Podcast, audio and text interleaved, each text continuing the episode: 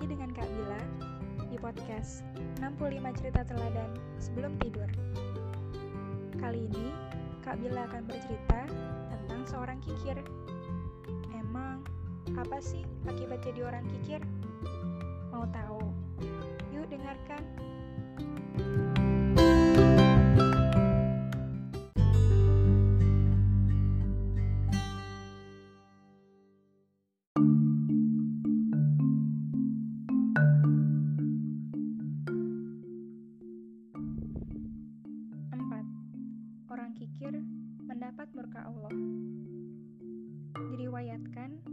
Ada seorang lelaki miskin yang kemudian menjadi kaya raya dan kikir.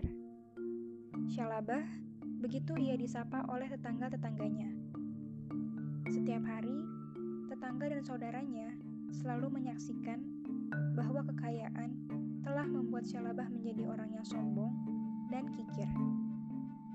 Padahal, mereka sering mengingatkan kepada Syalabah untuk membayar zakat dan bersedekah kepada fakir miskin serta anak-anak yatim.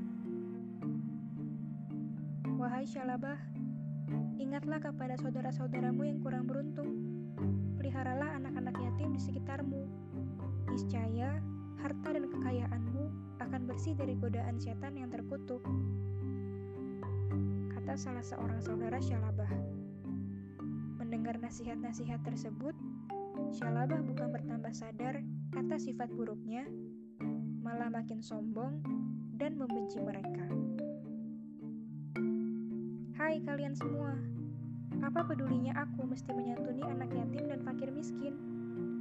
Aku dapatkan harta ini dengan kerja keras dan memeras keringat dari pagi hingga malam, bukan karena malas-malasan. Harta ini pun juga bukan milik Allah yang mesti aku bagi dengan orang-orang miskin seperti kalian. Ketus Syalabah. Walaupun mendapatkan perlakuan yang tidak menyenangkan, saudara-saudaranya terus mengingatkan Syalabah. Wahai Syalabah, kesombongan dan kikir itu adalah sifat-sifat tidak terpuji, paling disukai setan yang menjadi musuh nyata bagi manusia.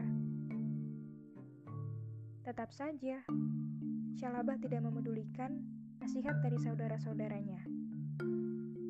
Harta ini bukan milik siapa-siapa kecuali milikku. Tidak seorang manusia yang akan mengatur tentang harta kekayaanku, kecuali diriku sendiri. Kata Syalabah dengan sombong. Bingung dengan sikap Syalabah yang keras kepala, saudara-saudara Syalabah menemui Rasulullah. Wahai Rasulullah, saudara kami yang bernama Syalabah telah berpaling dari ajaranmu. Ia telah menjadi orang yang sombong dan senang memamerkan harta kekayaannya.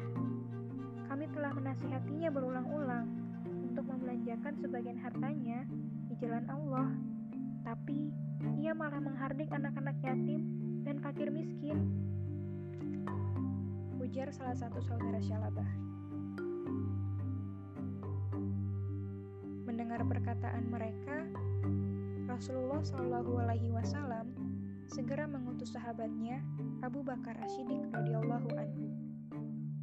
Wahai Abu Bakar, aku perintahkan kepada kamu untuk menemui Syalabah. Peringatkan dirinya agar tidak menjadi orang-orang yang merugi pada kemudian hari. Perintah Rasulullah. Atas perintah Rasulullah, Abu Bakar pergi menemui Syalabah. Wahai Syalabah, mengapa kamu menghardik fakir miskin dan anak yatim piatu dari rumahmu? Sesungguhnya, semua harta kekayaan yang kamu punya itu adalah milik Allah.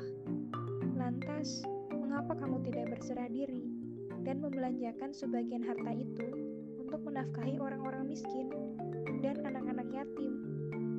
Sesungguhnya, orang-orang yang menghardik anak yatim itu adalah sebagian orang-orang yang sangat merugi. Niscaya Allah Maha Mengetahui apa yang kamu lakukan dengan harta itu, wahai Syalabah. Abu Bakar mengingatkan. Dengan penuh kecongkakan dan percaya diri yang berlebihan, Syalabah menjawab pertanyaan Abu Bakar. Wahai sahabat Abu Bakar, aku berulang-ulang mengucapkan kepada orang-orang miskin itu bahwa harta yang aku miliki ini sesungguhnya hasil kerja kerasku sendiri. Orang-orang miskin itu tidak membantunya, malahan sekarang merepotkan diriku dengan meminta sedekah. Mendengar jawaban itu, Abu Bakar tetap bersabar dan kembali berkata, "Wahai Syalabah, Tidakkah kamu ingin terhindar dari kelompok orang-orang yang merugi pada kemudian hari? Kamu sakiti dan zalimi dirimu sendiri karena kebutaanmu pada harta yang hanya sekadar hiasan dunia belaka. Perkataan-perkataan yang bijaksana dari Abu Bakar tetap tidak dipedulikan Syalabah, malah membuatnya semakin marah. Wahai Abu Bakar, Hentikan semua ucapanmu itu. Aku tidak peduli atas apa yang akan kau katakan kepadaku. Pulanglah segera. Aku sangat sibuk hari ini dan harus bekerja guna mengumpulkan harta lebih banyak lagi. Kata Syalabah dengan suara keras. Dengan hati yang sedih, Abu Bakar meninggalkan rumah Syalabah dan menemui Rasulullah. Wahai Rasulullah, Aku sudah berusaha keras membujuk Syalabah untuk terhindar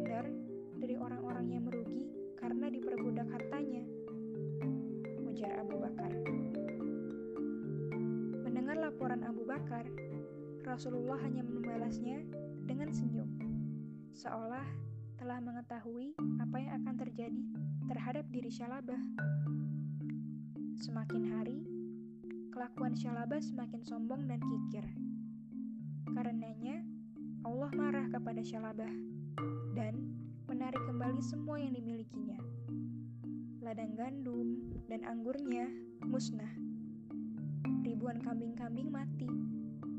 Dan semua pegawainya pun telah lari. Tiap hari Syalabah memikirkan kekayaannya yang musnah itu. Ia pun jatuh sakit hingga akhirnya mati karena selalu memikirkan hartanya yang telah hilang.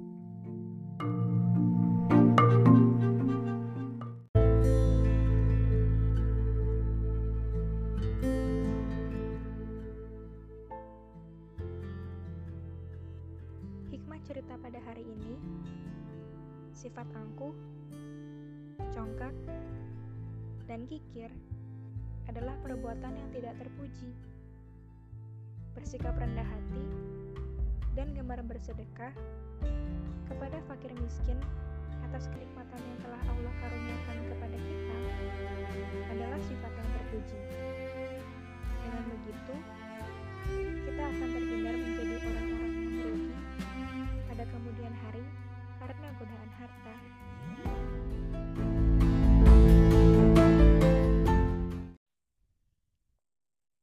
Adik-adik, sedari kecil, yuk biasakan untuk bersedekah dan bersikap rendah hati terhadap pemberian yang telah Allah berikan kepada kita.